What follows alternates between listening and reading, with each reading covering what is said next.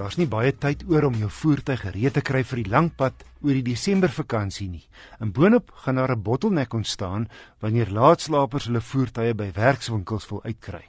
Nicolou, die tegniese redakteur van die tydskrif Car, verduidelik waarna mens moet kyk om jou voertuig in 'n goeie toestand vir die lang pad te kry. Ek dink eerstens moet 'n mens seker maak dat jou voertuig se diensrekord in orde is. Ons nie ons almal is werktuigkundiges nie en as jou voertuig daarom gediens is, dan het jy dan sekerheid dat die basiese goed gedoen is en nagegaan is. So eerstens wil ek sê verseker moet die diensrekord op datum wees. En dan tweedens uh, padwaardigheid. Natuurlik is wetlik verplig dat jou voertuig padwaardig is, maar jy kan self ook nou 'n bietjie kyk na na jou ligte, byvoorbeeld dat al die ligte werk dat jou ruitveers van jou kar werk en dat hulle in goeie kondisie is.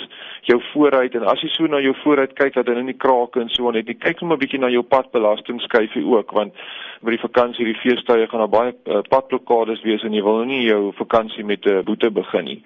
Maar as ek weer praat oor padwaardigheid, natuurlik bande ja. is verskriklik belangrik. So kyk eerstens na jou drukke, laat dit reg is volgens ook hoeveel jy die voertuig gaan laai en dat die loopvlak op die band nog uh, goed is en wetlik is. En moet ook nie vergeet van jou spaarwiel nie. Baie mense vergeet van die spaarwiel. Ja. En as jy 'n papwiel het, dan jy op jou en twee papwiele. So kyk dat die spaarwiel ook in 'n goeie toestand is, dat sy druk ook reg is. Ek het gesê vroeër ons almal is nie werktuigkundiges nie, maar ons kan om ten minste kyk na die vloeistofvlakke in jou voertuig, na die olievlak, na jou water en verkoelervlak en sommer kyk na die water wat jou na die ruitveers toe gaan dat dit ook sommer vol is. Dan wil ek ook net praat van basiese gereedskap om saam te vat. Die slegste is as jy langs die pad uh, met iets uitgevang word wat jy eintlik maklik sou kon regkry as jy nie die regte gereedskap by jou gehad het nie. Ek weet ons almal se voertuie is natuurlik vol gelaai, daar's min plek. Uh, maar as jy kan kyk na die basiese gereedskap in die voertuig reg is, die wielsleutel wat daar moet wees, die domkrag wat daar moet wees. As jy bietjie plek het om miskien 'n skroedraaier of as jy nou maar 10 en 'n 13 sleutel in te sit dat jy ten minste die battery kan in en uithaal.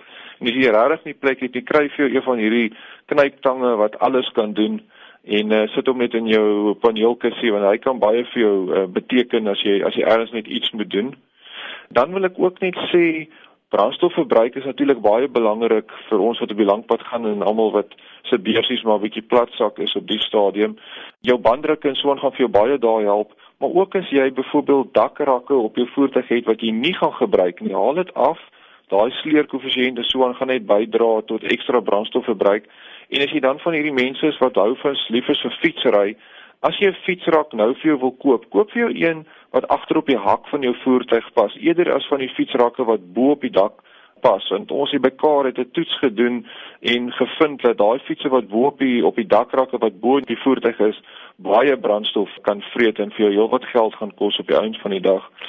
Dan wil ek ook sê dat as jy 'n motor op beplan om op die langpad te vat wat jy eintlik meestal net in die dorp mee gery het, kort afstande, nooit vinnig gery het nie, voor jy die langpad vat, Ehm um, gaan doen net 'n klein toets en gaan ry 'n bietjie naweek net so eentjie langer, bietjie op die snelweg om te kyk is die verkoelingsstelsel reg?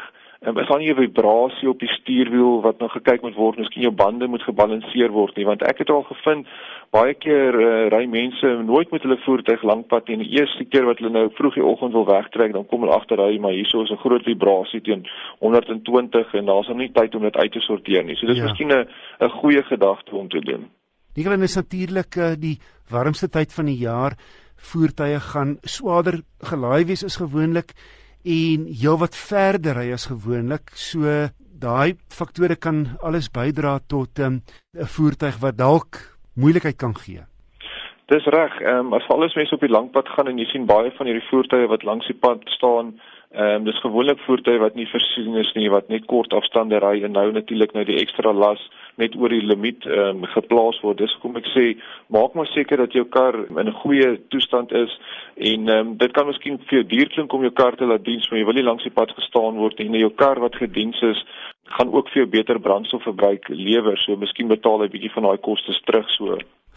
Nikkel en heelwat motoriste gaan ook 'n uh, sleepwa trek en daar's die wat daai een keer 'n jaar met die karavaan gaan ry, waarna moet 'n mens kyk as dit kom by sleepgoed?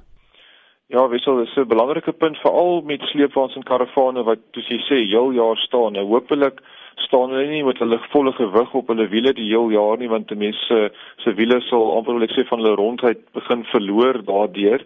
Maar ja, weer eens padwaardigheid is baie belangrik. So kyk na al die die remme wat moet werk op jou op jou karavaan en die uh, ligte natuurlik moet werk en weer eens jou padbelasting moet op datum wees vir daai sleepwa of karavaan wat jy wil sleep.